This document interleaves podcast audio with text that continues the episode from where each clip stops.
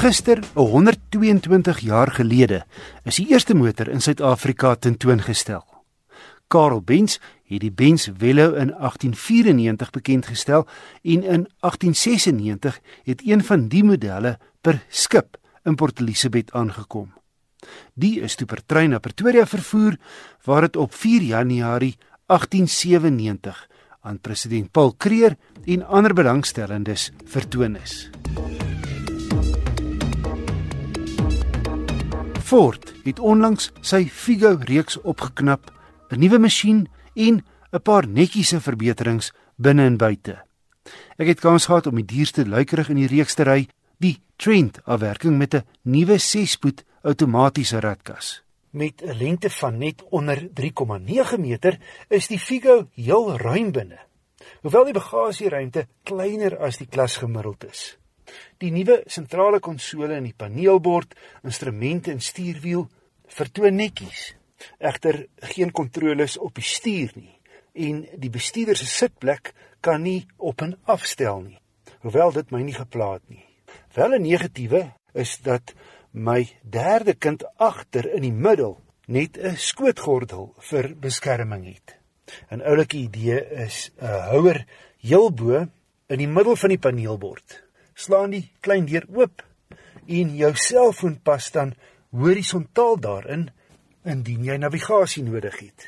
Die ritrekenaar wat jy beheer met 'n knoppie hier op die punt van jou flikkerligte gee vir jou jou gemiddelde petrolverbruik, gemiddelde spoed, buitetemperatuur en gee jou rykafstand vir jou. Die hoofligte kan op en afstel en hier's misligte voor en agter. En die agterste klap ontsluit met die druk van 'n knop. Elektriese ruitte voor en agter wat jy nie noodwendig in iets soos 'n Polo Vivo kry nie en elektriese spieëls. Die agterste regleuning kan darm 60-40 platslaan sou meer pakplek benodig word maar die bestuurder se sitplek kan nie op en af stel nie.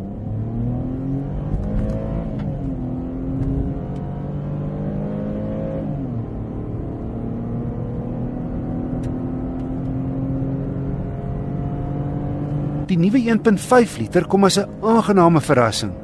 Die skop 88 kW en 150 Nm wrinkrag uit en sorg vir lewendige verrigting. Dis ook nou die oond in die goedkoopste EcoSport model.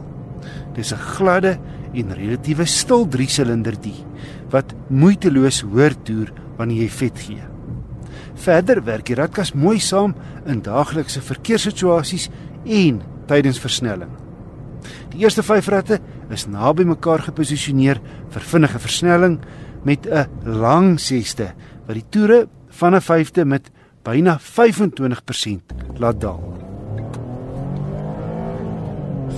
Net oor die 40. 65.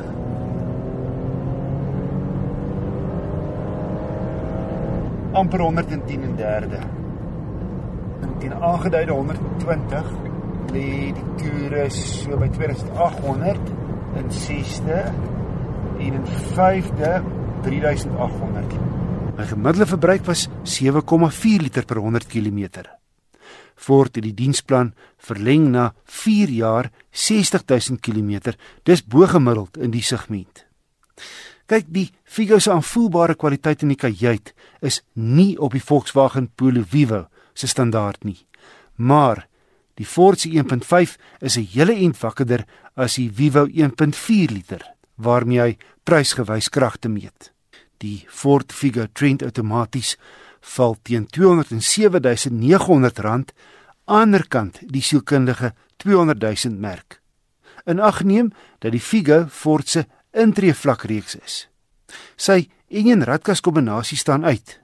Maar as 'n outokas nie 'n prioriteit is nie, kan jy 'n volle R15000 spaar met die handratmodel. Die reeks begin by R182900 Indien jy bereid is om goed soos alloy wiele en traksiebeheerprys te gee. Maar hou in gedagte, jy kry selfs in die goedkoopste model die voortreffelike 1.5 3-silinder.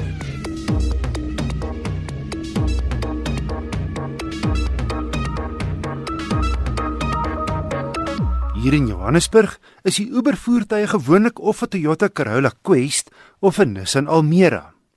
Want dis betroubare en relatief bekostigbare sedans met genoeg spasie. Die Almera kom in twee modelle, 'n 5-spoed handrat en die een wat ek gery het, 'n 4-spoed outomaties. Nou, die Almera sal nie skoonheidspryse wen nie. Hier gaan dit uit en uit om punt A na B vervoer. Die Almera se sterkpunt is sy spasie binne. Wanneer ek as 'n lang ou die sitplek vir myself voor agter die stuur gestel het, pas ek baie maklik agter myself in. Trouwens my knie raak nie eers die voorste rugleuning nie. So hy vat maklik vier groot mense of twee groot mense voor en drie kinders agter. En 'n lekker groot bagasieruim met 'n volgrootte spaarwiel heel onderin.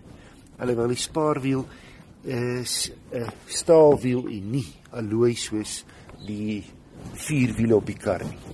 Hy kom met ABS rieme en twee lugsakke voorlangs. Welle welkome veiligheidskenmerk is drie sensors agter.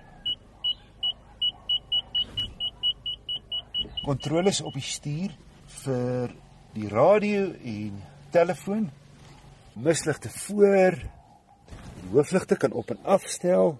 Ook Bluetooth en sokke vir elektroniese kabels en 'n ongewone kenmerk in die segment, 'n ligversorging uitlaat vir die agterste passasiers.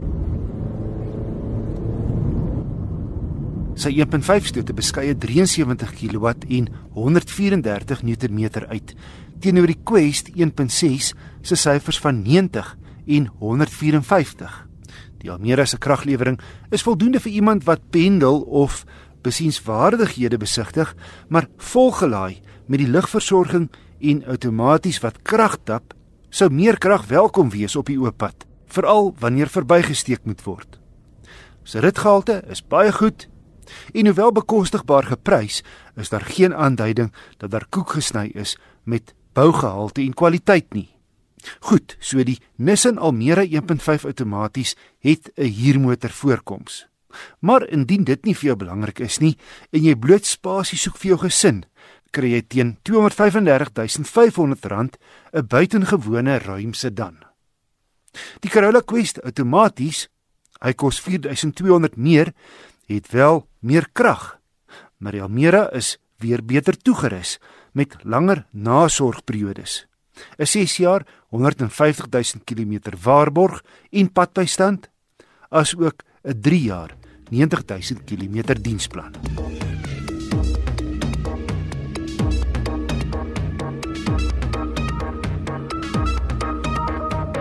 Ek het verlede maand daar op die N1 deur die Karoo op pad Kaap toe net weer besef hoe gevaarlik vir alle besige eenrigtingpad kan wees. Toe daar uiteindelik 'n gaping ontstaan, steek ek twee lang vragmotors verby. Maar net toe ek begin verbysteek, gebeur twee dinge. 'n Motor verskyn in die verte van vooraf en ek kom skielik agter dat 'n derde lang vervoer wa heel voor in die geelstreep ry. Ek het te min krag en te min tyd en ek rem hard en kom val weer in agter die drie vragmotors. My raad aan al die bestuurders wat die naweek besige paaie trotseer is wees heeltyd bedag op wat rondom jou aangaan. Beplan vroegtydig en moenie onnodige kansse vat nie.